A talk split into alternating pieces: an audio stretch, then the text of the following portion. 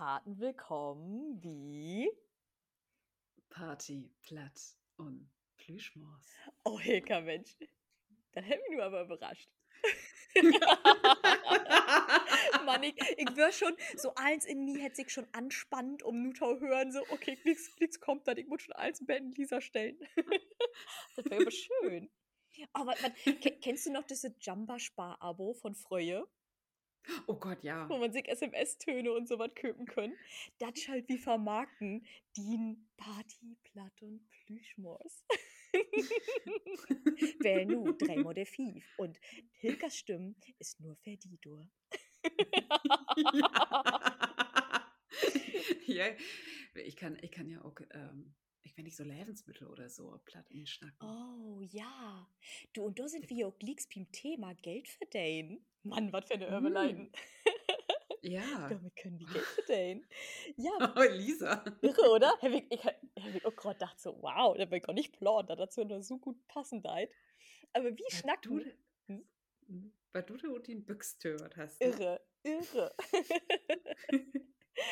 Denn wie schnackt Hüt mal über die Jobs und Nebenjobs, der wie also mockt habt? Der äh, ja auch lange ankündigt hat. ja, hätten nur über die Sommerpause, okay, ja, beenden, beenden du es. Aber nun kommt das endlich. Ja, und in der Summe habt ihr ja auch früher viele Nebenjobs hatte, ist ja auch gar kein Tit, was anders zu morgen. Oh also, ja. Oh, erst recht nicht einen Podcast abzunehmen. Na, also Hika, du hast die in Thailand rumtreiben. Ich habe Arbeit. Aber hört dort auch doch mal den Sinne Volk, man wie so in dem den, den verleiden hellen Sommer so mockt habt. Ja, und auch von Prinzessin Lisa auf Island. Oh ja, ja. Ja. Mit mhm. meinem Wittenpferd, den Lissy. Auch schön. oh, das ist eine großartige Folge. Richtig schön. Wenn ihr das vermisst habt, uns dernstüch schnacken zu hören, das ist ja. die richtige Folge, dann ja. wird das schon rinkommen. Absolut. Hey Kai, ich mir überlegt, wie möchte ich das morgen? Möchte ich wieder zum Betten im Ping-Pong-Prinzip morgen? Oh, gern. Ja. Gern. Eins klar. Dann fangen wir an mit dem ersten Job, den du so mockt hast. Ich, ich muss noch ganz kurz dazu sagen, wieso wir überhaupt die Folge oder wieso ich das Thema eigentlich so spannend finde. Ich finde immer, ein lehrt bannig fehl von den Jobs, der ein mockt hat. Und ob er einen sieht, kann er da total coole neue Eindrücke und neue, neue Infall geben. Mit, hey, das kann ich ja eigentlich auch mal mocken. Und ob er anderen sieht, ähm, mockt ein diese, diese Lebenslauf doch irgendwo tau dem Menschen, dem er in Hüt ist. Und so kommt dann, dass ich und wie all nur Hilke noch beide kennenlernt, der ihre Jobs sind Nebenjobs und was sie da so belebt hat. Ja, ich kann, kann das nichts vorweg, vorweg sagen. Nee, ich habe noch nie nicht uh, Sexy Time mit meiner Stimme oh. dafür Geld gekriegt. Aber vielleicht stelle ich das echt morgen. Das gibt ja, ich glaube in Asien ist das total hip dass de Lü dann eben ja Eten und Gerichte und so was ihn schnackt. Oh, das ist doch der perfekte die, Job für die. Ja, dann kannst du die, die hele Tit anhören, wo ein bloß äh, Currywurst oder so sagt. Oh, wie, wie hält denn das, wo der in das Mikro rin schnackt und allen so, so super Lu ist, jed ein Geräusch. FSMR oh. oder so? Ah, ich komme noch nicht ja. rum. Aber ich glaube, du bist du eigentlich perfekt vermockt. ja, okay, Level, schall ich mal über Plattdeutsch, Plattdeutsch über Currywurst und Pommes dann schrieb uns das doch gerne mal. Dann mag wir nur bloß mal eine Folge, wo Lisa mir dann sagt, äh, sech mal das Gericht. Ja, oder? ja, genau. Sech Kartoffel. Mm, sech grüntig. Mm. Und dann könnt ihr dann sagen, äh, ach, danach weg, eten, weg, Grüntöken, ja, und besten Oder vielleicht, ob sie, ob davon nur Appetit kriegen da, oh. oder so. Ja. Oder, oder auch nicht, oder ob was anderes Appetit oder so. Äh, ja, also. dann Mund, mein Kopf gut. okay. Ernst der Serie, bitte. ja, okay. Äh, meinen ersten Nebenjob da, oh, da wäre ich echt noch lütschig. Da muss, da muss ich vielleicht so Time, Öfen oder so. äh, ja, ich so Tein oder Ölven und da habe ich ähm, Flyer utdragen. Ah, Ja, da war Wahlkampf und da habe ich dann in ja, mein Quartier, zu Hause, mein Viertel, habe ich dann Flyer utdragen und dafür habe ich dann beten was kriegen, dass ich dann, ja, dann einen Nachmittag zu alle Hüsen hin und dann da einen Flyer in den Briefkasten smaten have. sind die da irgendwie mal blöd kommen oder so? Weil gerade wie Politik ist das denn ja immer so ein bisschen, ein bisschen harsch. Oder hast du diesen Kinderbonus? Ich glaube, ich habe das einen Kinderbonus hat, Mhm. denn ich wär auch echt iskolle und hab auch dann in das Briefkästen, wo dann ansteht, kein Reklam und kein Wegenblatt oder so, weil ich auch schon was iskolle rinschmäht. das ist richtiger Wahlkampf. Bitte blaut.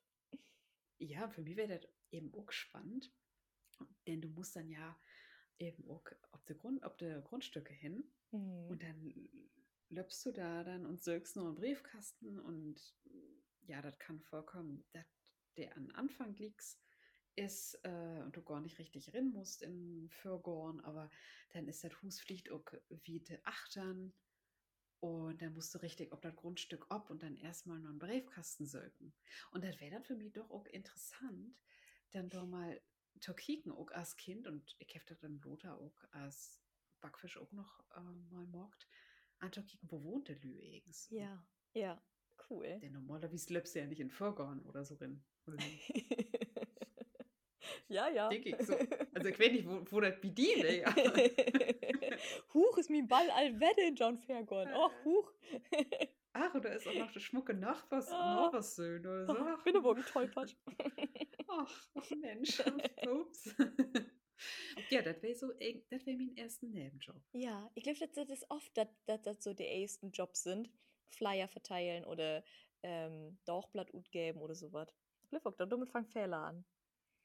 Ich, Ja, weil das ist unkompliziert, ne? ja, genau, genau. Und einfach und nicht so viele Stunden.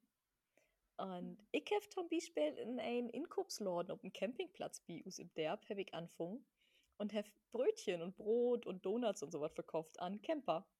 Und das war das allererste, was Ah. ich gemacht habe. Mhm. Oh, das hast du einmal vertellt. Und diese Ja. Ferienjob. Ja, ja, genau, genau. Oh, das gäbe nichts Schlimmeres, als wenn du sein hast, ah, Mist, das wäre wohl all schlecht den letzten Doch.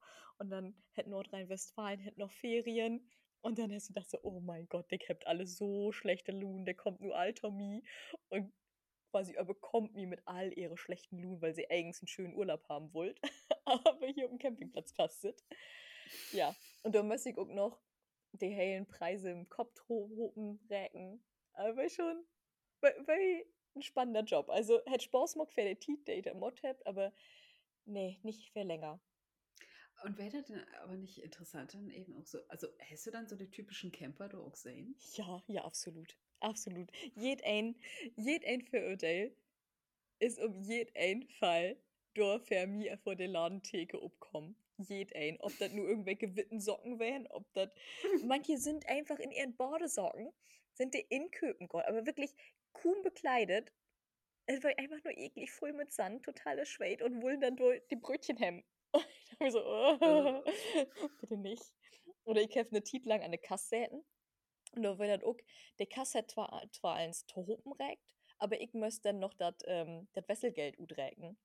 Und dann habe ich, hab ich so mein Geld da hat und habe so käken und eins so Tohopen socht, hefte mir den umdreht und hab einfach nur ob zwei Nippelpiercings käken von dem Kerl, der für mich storn hat, weil er so genau die Höhe wäre. und dann hab ich so, oh mein Gott, dann will ich hier jetzt nicht sein.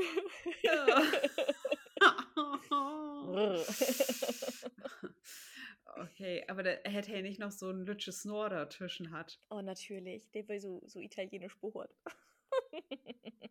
Ach, eine Schnur. Mm. Ach so. Eine Schnur, Nee, das hat zum Glück so eine lütsche Kette.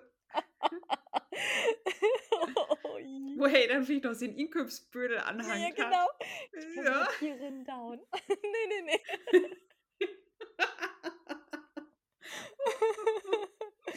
nee, zum Glück nicht. aber ja, das Ja, aber weißt du, Aber wirst du dann eben auch sagen, die hele Bundesrepublik kannst du auf einen Campingplatz finden? Ja, und nicht nur die Bundesrepublik. Auch Engländer, Niederländer hat wie du ganz viele. Dänen. Das war äh, spannend.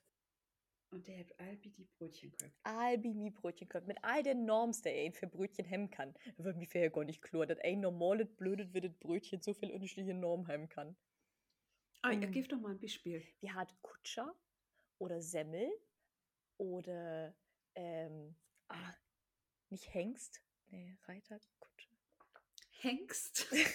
nee, Brand hat wie auch ab und tau. Und dann sitzt du da und denkst dir, oh, kannst du bitte einfach drauf wiesen? bitte, mir mein Leben einfacher. Wir haben dann 6 Uhr morgens. Oh Gott. Da musst du auch noch so Ah. freuen. Ja, die möchte ja ihre Brötchen auch so frei haben. Gerade so die Camper, die, die dann vielleicht schon bei den Ölle sind und vielleicht auch schon Rentner sind, die bestaut ja dann da ob, um süß oder halbwegs selben dann ihre Brötchen zu kriegen. Auch wenn sie im Urlaub Oh. sind. Oh Gott. Hm. Das ist ja furchtbar. Ja, ja. Also für mich ist das sowieso furchtbar. so. Also, äh, ich glaube, Lisa, wenn wir mal zu hoch Camping, Campingmarkt, und du bist ja auch vielleicht eher obstot, Hm. äh, auf Scheitern, geist du aber noch Brötchen hin. Genau, genau. Ich, ich gehe dann erstmal Brötchen holen für die und am Mittag weck ich die dann. Ja, schön mit so Nutella-Brötchen. ja, genau. hey Hilka, hier kommt Diabetes. Mm.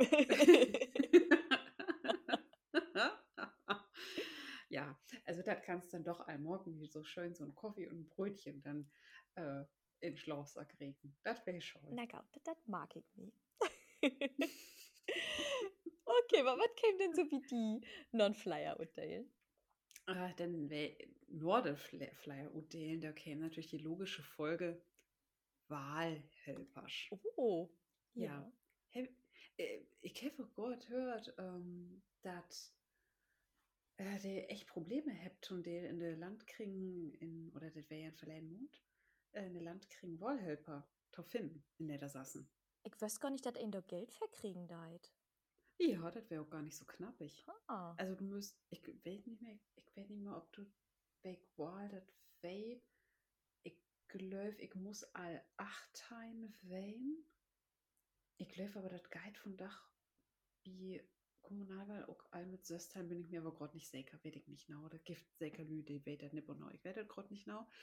Und da habe ich, glaube ich, 50 Euro für kriegen. Hm. Für einen Normdach dann? Und- Oder für den hellen Doch? Ja. Hm. Ja, das, das sind dann zwei Schichten Wein. Also ich habe die Vormittagsschicht hat und abends mögt dann alle Wahlhölper wieder zusammenkommen und uttellen. Hm. Also das wäre okay. Ich wäre dann vormittags vier Stunden da. Und das ist ja ein kommodigen Job. Ja, Du, ja. sitzt, du sitzt dann da und gibst dir Lüdern eher, ja, eher Wahlzettel und einen Stift oder auch nicht. Hast du da mal einen, der da der da beschieden will oder so? Nee, das ist mir nicht passiert, aber ich weiß noch an Abend uns ähm, Lederstor, ähm, der das koordiniert hat, der wäre echt richtig nervös, als wir dann die Wahlurne obmarkt habt. Also das wäre auch echt genau der, ähm, der koordiniert, da drauf auch nimmst, ob die Toilette wählen oder so, alle Wahlhöper mit da wählen und eben auch kicken, dass der Urne auch nur erst obmarkt war, so als, ja, als Tüch, als Zeugen. Mhm. Und dann habt wie ich glaube, der Wahlzettel dann erstmal sortiert, noch gültig und ungültig. Mhm. Und dann habt wie die, ich glaube, dreimal nochmal erstmal so dörtelt, wo Fälle sind das eigens und dann eben sortiert noch ähm, Erststimmen und Zweitstimmen. Also das hätte nochmal echt, ich glaube, Seika, wir sind, wir sind, wir sind, glaube ich, kein Lüwe, also Teil auf auf dein Lüwein, also das ging dann fix, aber das hätte Seika nochmal eine Stunde dauert. Boah. Ja, Ganz das ist echt fair für mir Opfern, dass er in den denken hätten. Ja, das, also das ward eben eins per Hand noch tält. Ja, verrückt. Ich, also ich weiß nicht, wo das von Dach ist, aber ich glaube nicht, dass das irgendwie ein Maschinengift, wo du das dann so wie an Kassenautomaten so den Geldschein Ja, ja, rein- genau. läuft natürlich nicht, das war, du hast noch per Hand umzählt. Boah. Ja, aber da habe ich äh, dann beiden Geld kriegen. Aha. Ja, das, das wäre wär nett. Dann so, ne? Wenn du noch Das wäre nett. so, für ein Dach 50 Euro, das wäre cool. Mhm. Und das wäre ja dann die logische Folge. Hast du denn, ob das Brötchen verköpen in logischen Folgenebenjob dann hat? Naja, so lala, sag ich mir mal so. Ähm, ich will das, das Brötchen verköpen, habe ich ein paar Summe mockt oder ein paar Ferien mockt. Und auch tau der Tit vom Abitur. Und non Abitur habe ich aber erstmal eine Utbilden tau Chemielaborantin mockt. Also, naja, ja, ich will, ich will aber auch im Foodlabor, also hab da Lebensmitteltest. Vielleicht kommt das zum Beten nah. aber wirklich nur, wenn man da eine Verbinden sein möchte. Ähm, ja, ich habe ich hab all okay, also Bierbäckerei oder so, das ist, das ist nicht so richtig mein Job. Äh, weil ich auch kein Weizenmehl vertragen dau, also ist nicht ganz, dann liegt das eins Fermi und irgendwie so, okay, ich kann nichts von dem äten, was ich hier Fermi liegen hab. Aber so wie eine Chemielaborantin, das wäre schon mal nicht cool. Ich bin halt in ganz viele unterschiedliche Labore gekommen und habe mich ähm, ganz, ganz viel ankicken könnt von, von der Kläranlage über das Lebensmittellabor, über Baustofflabor, über aber auch das Technikum, also wie was eigentlich große Anlagen baut. Und das war, das war eine super spannende Zeit, wo ich richtig verlehrt habe. Nicht nur für die, also schon auch eins, was ich brauche für die, für die Ausbildung, für den Beruf da noch, aber auch für das Leben. Also, wo ist das denn eigentlich acht Stunden am Tag zu arbeiten? Wo ist das, wenn ein nur 25 bis 27 doch Urlaub in Jahr hat? Wo ist das aber auch Geld zu kriegen? Also mal mehr als nur von meinem Nebenjob oder wie die denn 50 Euro für ein Normdach? Das war ich schon, war ich schon spannend und mal was ganz anderes. Und jeder, der mir singen deit, oder der mich fragen deit, ähm, hey, aber du hast doch Abitur mockt, also warum mockst du noch eine Utbillen? Ich will jeden sagen, das war einfach so bannig wichtig, um mir Sülm noch mal beten zu finden, um überhaupt zu werten, hey, was möchte ich denn eigens? Und wo ist das Tau Arbeit? Wo ist das Arbeitsleben so? Wo sehe ich mich durch? Und ich kann Mhm. das echt jeden nur an Taten lenken, der da auch gerade vielleicht noch über genau da denken deit, mockt das, mockt erstmal in Utbilden. Sie könnt ja auch verkötten, wenn sie wirklich noch studieren möcht. Oder aber sie sagt, hey, das ist genau mein Ding, das macht mich glücklich, ich stehe morgens motiviert ob und dann äh, kann das doch gar nicht werden. Oh, das ist, das ist echt mal ein coole Utsach. Also, dass du dazu sagst, ich habe ja mein Utbilden, also so willst, achter mein Studium mockt. Ah. Ähm, ich habe ja achter mein Studium erst mein Volontariat mockt. Hm. Was, was hast du studiert? Ich habe Allgermanistik, ähm, Kunstwissenschaft und Linguistik mit Fokus Plattdeutsch studiert. Wahnsinn. Also hör, hört ihr das Lü? Wir habt hier eine studierte Plattdeutsch-Schnackerin. Total der Wahnsinn. ich fühle mich geehrt, mit Ihnen einen Podcast aufzunehmen, Hilke. Ja, nur Pflicht auch Plurales Majestatis. ja, aber, da, aber wir sind ja nur auch wieder von dem Thema Nebenjobs aufgekommen. Ja, ja. Also du hast den Utbilden gemacht und dann Genau, hast du auch dann noch den Studium anfangen. Ja, dazwischen oder zwischen, zwischen meinem, meiner Utbildung und mein Studium, weil ich dann angefangen habe, äh, habe ich auf dem Rierhof in Portugal Arbeit. So als Mhm. deren für eins. Das war das war bannig cool. Ich habe nicht richtig Geld kriegen, ich habe halt Kost und Logis und ähm, Reitstunden kriegen und habe dann durch, ich habe die Touristen, also wir hatten Gäste, das ist ein Wanderreitbetrieb ähm, in der Nähe von Lissabon. Und dann habe ich, ach, ich habe morgens die Pier futtert. Dann habe ich die, das Frühstück für die Touristen mockt. Dann habe ich die Betten mockt. Dann habe ich die, die Betten von der Pier mockt. Dann ich die, Tu- die, Pier, die Pier fertig mockt. Die Touristen wohin feuert, also die Gäste. Und irgendwie habe ich eins mockt und das war so schön.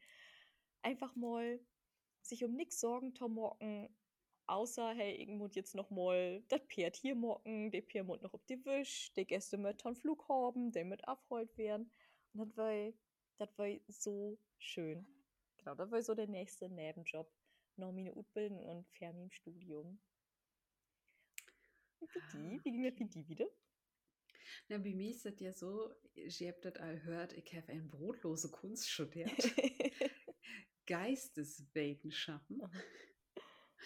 Und ich kann sagen, studiert das, was ja, was ihr wollt, was ja Lied mogt und ich habe now das mogt. Aber wenn ihr das mogt, bitte kiekt auch und mogt Praktika. Hm. Das habe ich auch mogt. Ich habe viele, viele Praktika mogt, um auch so ein bisschen Ruhe zu finden, was kann ich eigens mit das, was ich studiere, mal anfangen, welchen Beruf will ich Hm. mal gut hören. Aber das hört nicht hierher. Hier hört Geisteswissenschaftler, brotlose Kunst, nicht viel Geld, wie braucht einen Nebenjob. Und da habe ich einen Nebenjob hat, da habe ich ein bisschen modelt. Ach, Und echt? Ja, für was? nun war das interessant, nämlich für Hor und Feute. Du weißt Vollmodel? Ja, Das ist ja klasse. Ja. ja, ja, ich bin Fautmodel. Und ähm, ich muss sagen, das wäre ein easy Job. wo, wo kann ich mir das so vorstellen? Also, weißt du, die, die Faust dann da so einfach hin, hinstellen und dann habt ihr da Bilder von gemacht und so, mm, ja, oh, wow, mm, oder läuft das so? Ja, ähm, also äh, den, den Fautnagel, den kriegt eine schöne Klör und fliegt auch noch so Strassstehende ob und äh, so Zehenringe und so ein Fautkettchen und so wieder. Und dann magst du mit den Feute, mit den die, die Spritzen und ähm, ob in, ja, in, ob Gras stohn oder ob Stain stohn oder in Water. Und äh, das war dann auch mal so ein bisschen künstlerischer, da schaffst du dann eben so Weintrauben äh, zer zertreten und, Ja, und, ja. und, und ich finde mich heute auch Schmuck. was, was hast du da so kriegen? Darfst du darüber erzählen? Wie viel Geld kriegt man so als Fautmodel? Das wäre mehr als, als Wahlhelfer. Ah, okay. Wow. Ja, also das äh, das wäre ein bisschen mehr. Ist ja Nicht, also, also ich habe das, äh, ich glaube, zwei, drei Mal gemacht Hm. oder so. Und ähm, das wäre dann auch okay. Und dann der andere Job, das, das wäre dann Haarmodeling. Und ähm, da habe ich dann so eben, wäre ich dann so Frisurmodel. cool. Habt sie mir, habt sie mir dann Frisuren steckt und so was. Und das wäre eben für mich auch mal interessant, so in so in, ja, in so in Mannequin-Modelbranche eben reinzukicken. Denn na klar denken wir, ah ja, Models und äh, die sind alle groß und wunderschön. Also ich bin natürlich wunderschön, Natürlich. aber eben, aber eben nicht groß.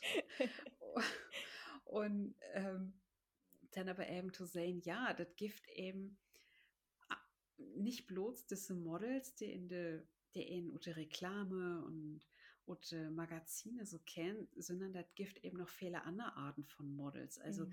ich habe da auch ähm, Models, Mannequins kennengelernt, die sind Handmodel wehen. Ach, Die hat so scheune Hände und Fingernägel hat, äh, die hat dann eben damit Re Reklame eben zum Beispiel für Nagellack und sowas. Aber du hast von der Frau sonst nichts sehen und die Frau, die hat, wenn dann eben auch normale Frauen, aber der wunderschöne Hände hat. ist ja witzig. Ja. Und, und ich finde eben, ja, und ich habe eben Schmucke für heute. Witzig. Äh, Witzig, ob Ja. das das du das Thema so, so umgehen hast. Denn ich habe Beten, was ähnliches mockt neben mir im Studium. Ähm, ich habe dann ja quasi nicht ganz so brotlose Kunst studiert und war ja auch Hiwi, also habe dann quasi für, für die Chemie, habe ich Labore mit den Erstis mockt und habe dann Beten, was für die Chemie mockt, weil ich ja Mhm. die Chemielaborantenausbildung habe. Aber ich wäre auch Komparsin, Blangbi, Komparsin wie im Film. Das sind quasi Lü, der einfach nur als, als Szenenfüller mit äh, der Binnenstadt oder im Wegstadt oder im Café sitzen dauert, wenn, wenn der Kriminalkommissar dann in das Café reinkommt, da, dann muss er ja auch ein sitten. Oder das kann ja nicht werden, dass Wismar total leer ist, deswegen muss man dann einfach ständig über die Straßen loben oder so. Und das habe ich auch ein paar Mal mockt. Und das war einfach ein von den besten Jobs, der ich je mockt habe. Das erste Mal war ich eine Joggerin, die eine Leiche gefunden hat. Und das war, das war, da habe ich richtig viel Geld verkriegen, obwohl ich nichts sagen muss. Ich will Komparsin. ich will wirklich Oder- einfach nur durch. Krass. Das war, Und du hast dich dann, du hast dich dann bloß verjacht und beten vor der Kamera. Ja, und da, da, da eigentlich stünden einfach nur die Polizisten um mich rum und hätten mich dann befragt, hätte man aber nicht verstanden. Das hätte man dann nur so Oh. im Hintergrund sehen. Ja, da war ich von der Soko bis mal, der habt da auf und tau dreit und das Traumschiff, da war ich einmal. Der habt umdreit. Da, das, war, auch- das war ein von den schönsten Dreh, weil ich den hellen Dach, so, so eine Szenendreh, das dauert ja ewig, da denkt man ja gar nicht. Man sieht das vielleicht, wenn ich drei, vier, fünf Minuten im, im Film, da dreht der ja ein hellen Dach dran. Und wie hat eine Szene in einem Frühstücksrestaurant. Und ich wäre einfach nur Frühstücksgast oder taun Frühstücken durch. Und also, ich habe den hellen Dach von morgens um 8 hab wie anfangen, bis abends 8 Uhr um Kloxes, hab ich frühstückt. das war so schön. Ich hab mein Dromleben gelebt. Und die habt dann immer Norlecht. Du, ja, genau. Wir hätten nicht so richtig äten und irgendwann hätte, also wir, haben- müssen so, einen- so einen ganz späten äten, da das halt echt gut sein halt. Und dann hätte der Regieassistent mir dann irgendwann so einen riesigen Schokomuffin gebracht. Und ich habe noch sehen, alle Komparsen um mich rum so, wow, sie kriegt den Schokomuffin. Und ich dachte mir nur so, hm, ich kann das nicht äten. Danke, aber ich kann kein Schokomuffin äten. Und die ganzen Blicke von, von den ganzen Komparsen um mich rum. Wir haben nur eine Erdbeere. Schokomuffin. Das war, war schon cool, das hat echt Spaß gemacht. Und du musst ja wirklich gar nichts dafür können. Du musst nicht besonders schön werden, du musst nichts können. Du musst einfach nur, ob die Anweisung musst du loslopen, irgendwo dich das Bild lopen oder irgendwo rumsitten. Du lernst super coole Menschen kennen. Äh, kommst natürlich auch an die Schauspieler ran, kannst sie auch mal ankicken, wo was so was eigens produziert. Also wie, was ist so, ja, wie seht ihr das, was denn im Fernsehen lopen deit? Oder auf Bildschirm, aber das Ganze dahinne mit den Leuchten, mit dem Ton, mit der Regie, mit der, Ko- mit der Kostüm, das ist ja noch so viel mehr. Mega spannend. Ja, also ich habe auch mal so was gemacht. Ich will nicht Ah. direkt mal einen Komparsen, ähm, aber ich will mal in einen Werbespot Ach, mit meinem Röhnrad. nein, erzähl mal. Doch, doch, das ist, glaube ich, so zwei oder drei Jahre her, ich weiß das nicht mehr genau. Da hätte, da hätte Rewe, diese Kampagne hat Scheine für Vereine. Ja. und dann kannst du eben ja spenden für Vereine oder so. Und dann gibt das eben für Weihnachten dann noch so einen Abschlusswerbespot. Und da habt ihr dann eben Sportler sögt. Und ich wäre dann wie in Casting für Röhnrad und ja, sie habt mich wählt Wow. und dann, und dann äh, bin ich da eben in diese Turnhalle hin mit mir Röhnrad und hab dann, ja, und dann habt ihr das eben, ich glaube, ich werde um Glocke söben und da habt ihr all zwei oder drei Stunden dreit und ich war dann da und da war eben auch ein riesen Filmteam und die habt dann an das eine Röhnrad ähm, Kamera anbaut hat, wie, damit sie mir eben auch über Kopf filmen könnt und dann muss ich dabei noch singen. Singen. Ja, Okay, ich diesen total. Song, ja, ich wollte doch so einen Song singen und, und dann nochmal extra abgenommen, das irgendwie komplett, also man sieht mich vielleicht zwei Sekunden maximal, aber, aber das wäre auch echt krass, ne? Kann So man den noch finden? Die Werbung? Ja, die gibt das, ja, die gibt das, glaube ich, noch im Internet. Ah, aber Kann die ich noch auf YouTube noch. finden. Ja, noch mal kriegen. Das Late ist natürlich am besten. cool. ja, das wäre das wär auch witzig. So.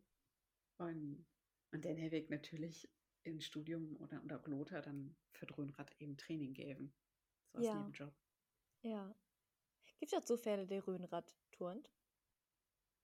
Auch in Deutschland gibt es doch viele Vereine. Mhm. Also nicht so viele als ein Fußballverein Ja. oder so, aber das ist klar, aber ähm, viele, auch viele Unis haben dann doch auch Röhnrad zum Beispiel in Hochschulsport. Cool. Und da warst du dann Trainerin? Ja, da wäre ich eine Trainerin. Und das wäre auch echt schon mal eine schöne Tit, weil das hätte schon mal gut passt mit dat, also weil ich habe das eh live dahin zu gehen, weil ich dann ja auch selber trainieren. Und dann, das, was ich da kriegen habe, das wäre auch in Hochschulsport, das hätte dann mal now langt, dass ich meinen Semesterbetrag betonen kann. Ah, perfekt, ja. Dann hätte mir das nicht so ein Lock dann reden. Hm. Ja, und hast du auch dann in noch was anderes gemacht in Wismar? In Wismar, ja, ich habe noch als Komparse, ne, wie ein Komparse wählen. Ja, genau, ich war, ich war Hiwi in der Chemie Mhm. und hab Mhm. dann dort die Labore mit den Erstis betreut, zum Beispiel. Äh, was, ja, also, ich muss sagen, so der Erstis, der hat ja noch nimmes im Labor Arbeit.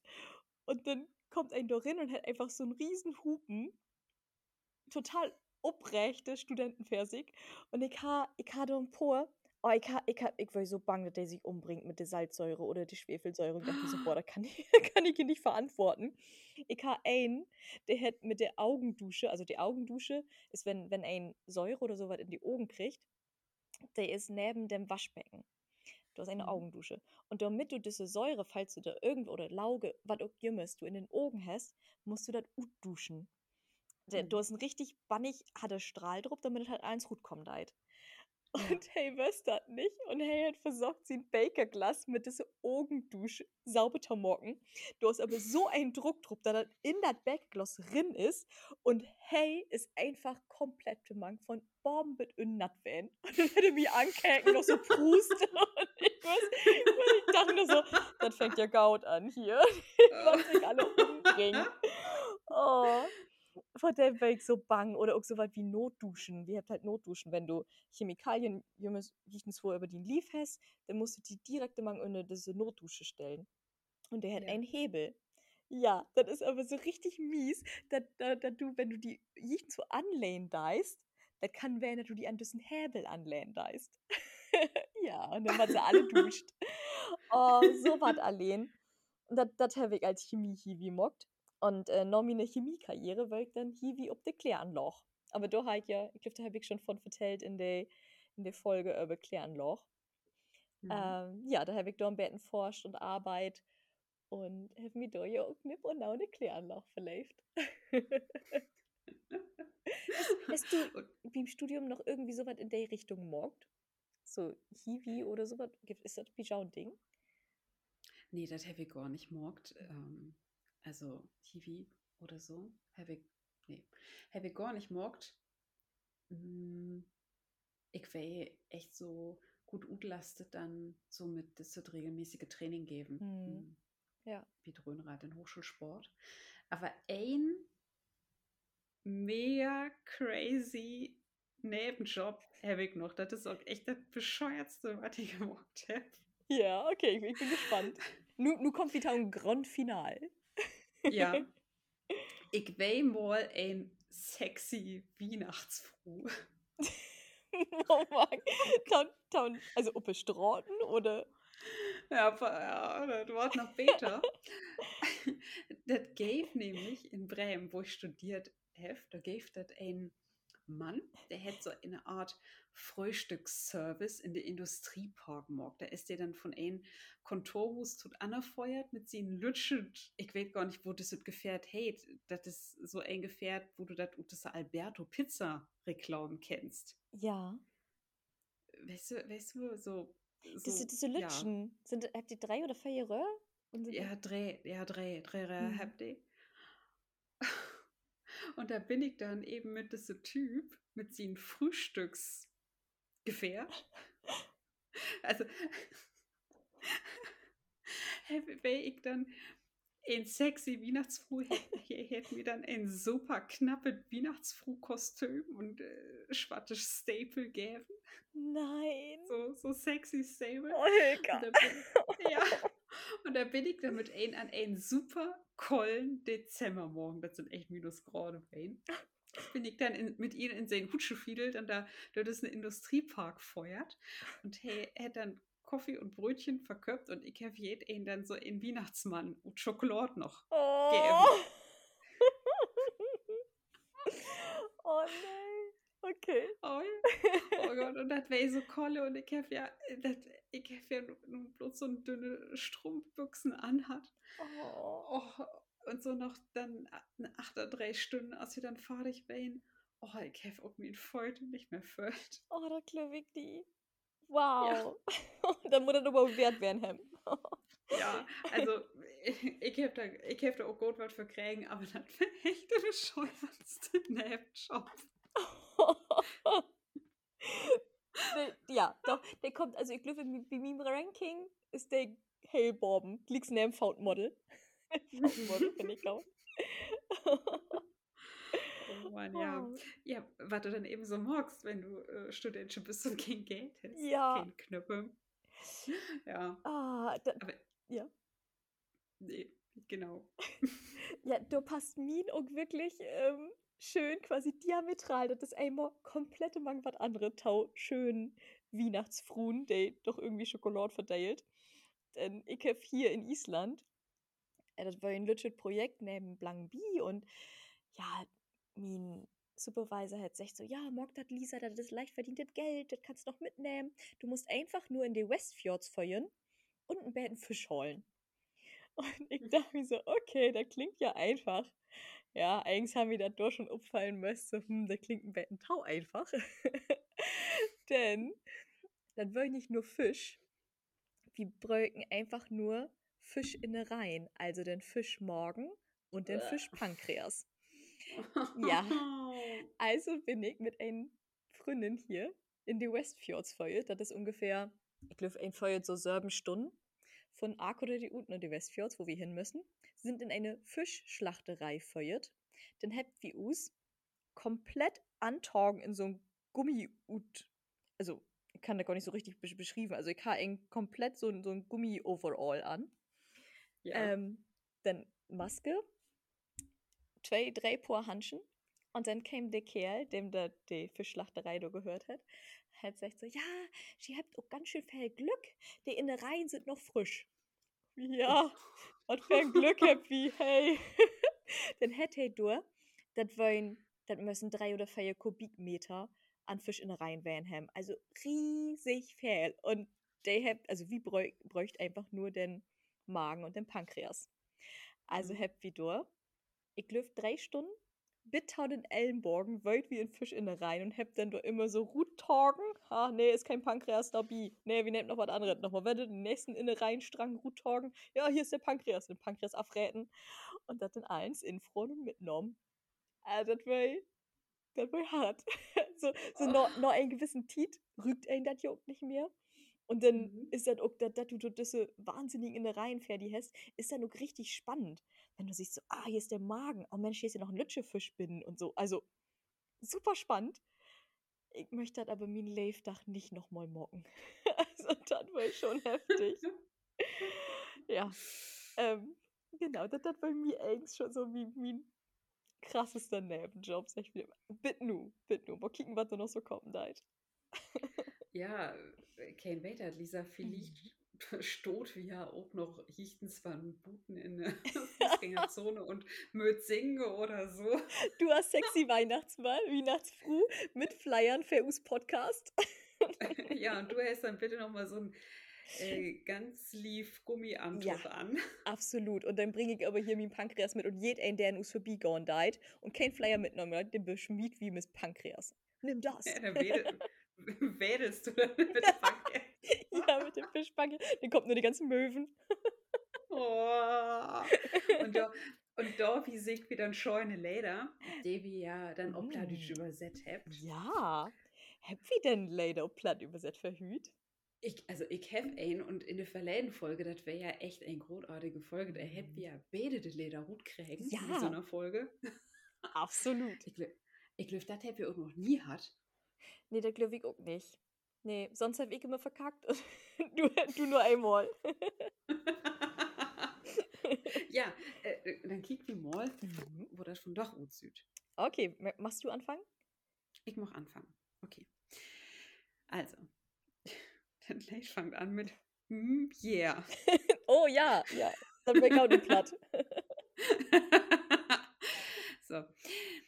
Von Nacht will ich die allens gäven.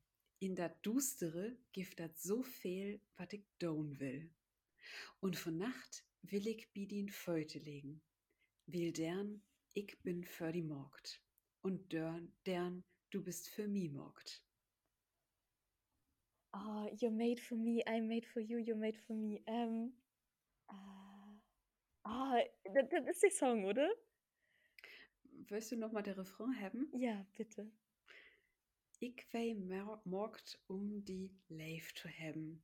Du weißt morgt um mi Leif zu haben. Und ich kann nicht noch von dir kriegen, Baby. Kannst du noch von mir kriegen? Ja, I'm made for loving you, baby. Es, oder? Ja! Ein Kiss. Woo! Woo! Mann, ich hab Run. Yes, jetzt muss ich nur ein Näschen kriegen, dann habe ich das Triple voll. Yes, yes, yes, yes. yes. Ja. Oh, das ist ein schöner Song. Ja, das kann ja auch nicht so wiedergehen, dass du nie, nicht verdrut kriegen kannst. Danke. Danke. Da- Jetzt muckt das extra Lied. Ist okay. Ist okay. Ich nehme das eins an. Ich wei morgt um die Leif zu haben, du weißt morgt um mi Leif zu haben. Ich kann nicht noch von dir kriegen, Hm. kannst du denn noch von mir kriegen? Ah, das passt wieder so ja, gut. das habe ich gedacht. Happy das all wette. Okay, mal Ja. kicken, ob min auch so gut Mhm. passend deit. Okay. Ein, zwei, drei, vier, fünf, sechs, sieben, acht, negen, ut. Rammstein. Ja, oh Mann. okay, dann war das schnellste Glück. Okay, weg, weg, weg von Rammstein. ähm, ist das, ist das Sünn? Ja, ist Sinn. Ja, hier Ah, kommt die Sonne. ja, Mhm. genau. All töft ob das Licht. Weiß nicht, weiß nicht bang. Die Sünn schient mi ut de Augen. Sie wat hüt Nacht nicht inne gorn. Und die Ehr die Ehr Lut betein. Beteien. Schön. Mhm. Ich finde, wie soll der denn Ja. wirklich mal verschlauen, ob der nicht mal was opo platt mocken möchte. Ja, finde ich auch. Das kann man auch noch so Also- schön brüllen. Ich lüft, ich lüft das platt und so. Das, ja, kommt gut. Ich, du, ich finde ich find auch eigens ist platt ein super Spruch, um da Rock mit zu machen. Ja, ja, absolut. Ja. Also, das ist, äh, ich finde auch platt hat so was Melodisches. Also, verstehst du, was ich meine? Du kannst das, du kannst das, finde ich, echt gut singen und aber zu gleichen Zeit eben auch gut brüllen. ja, ja. Doch, finde ich auch. Okay, also Lever Till Lindemann, Lever, äh, Lever Bandmitglieder von Rammstein, wenn sie das hört, will sie nicht mal ein Tag Rammstein halten und leider auf Plattenbocken, wie helpt ihr auch bitte übersetzen? ja, ja. Wie, wie stellt es freiwillig dort Tau, Tau verfolgen? Ja. das wäre richtig gut. oh. Und weißt du, Rammstein? Meinst du, Mhm. dass Kinne Rammstein hört? Glöf, ja, ich habe auch Rammstein hört, als ich Ölfen bin. Mhm. Da habe ich das erste Mal Rammstein hört. Wann bist du das, erst, das erste Mal mit Rammstein in Kontakt Oh, gekommen? ich bin Lauter. Ich glaube, so mit Feiertein, Pfofftein bin ich, glaube ich, doch erst mit. Ach, Ja, ja, dafür habe ich okay. ganz viel Ärzte gehört. Das war ja aber so Rammstein. Ärzte, Ja, Mhm. ah, ja, Ärzte sind auch gut. Der ähm, will ja das Late Elke nicht mehr spielen. Habt ihr nur secht. Oh, Mhm. warum? Ja, wie viel sie secht, das passt nicht mehr in die Tiet. Okay. Aber Claudia. Okay, aber ja. eine, eine, an- andere Folge. Ja, an, an, andere, andere Folge und dann schnackt wie über Elke, Claudia und Eva. Und Ja. äh, ob da die liebsten Frunslüt von der Ärzte sind. nee, wie, wie wollt ihr eigentlich nochmal darüber schnacken? Helden. Was sind Genau. eigentlich uns Helden in der Kindheit, wenn Kane, zu Kane habt wie obcaken? genau. Und du schnackt wieder eine Taukom-Folge über. Und ich denke, wir könnten nur all sagen, das hätte auch vielleicht doch was mit äh, Dickikas zu tun. Genau. Also Freischau drauf. Ich freue mich mega. ich mir auch. Mag das Gauchi leben. Bedankt. Tschüss.